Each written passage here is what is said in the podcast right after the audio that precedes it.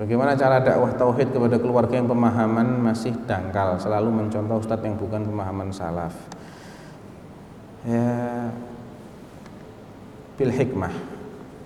Pertama yang mau mendakwahi harus belajar baik dulu, kuasai betul akidah ini dengan baik. Kemudian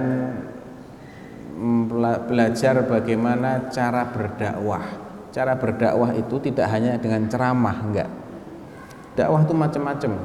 Kita harus perhatikan juga e, latar belakang pendidikan orang yang mau kita dakwahi. Ada orang yang open mind terbuka pemikirannya. Bisa diajak diskusi. Ya untuk ajak diskusi dia dengan hikmah. Ya insya Allah dia akan terbuka. Ada orang yang kolot cara berpikirnya. Jumut taklid buta. Ya didoakan saja sudah didoakan saja.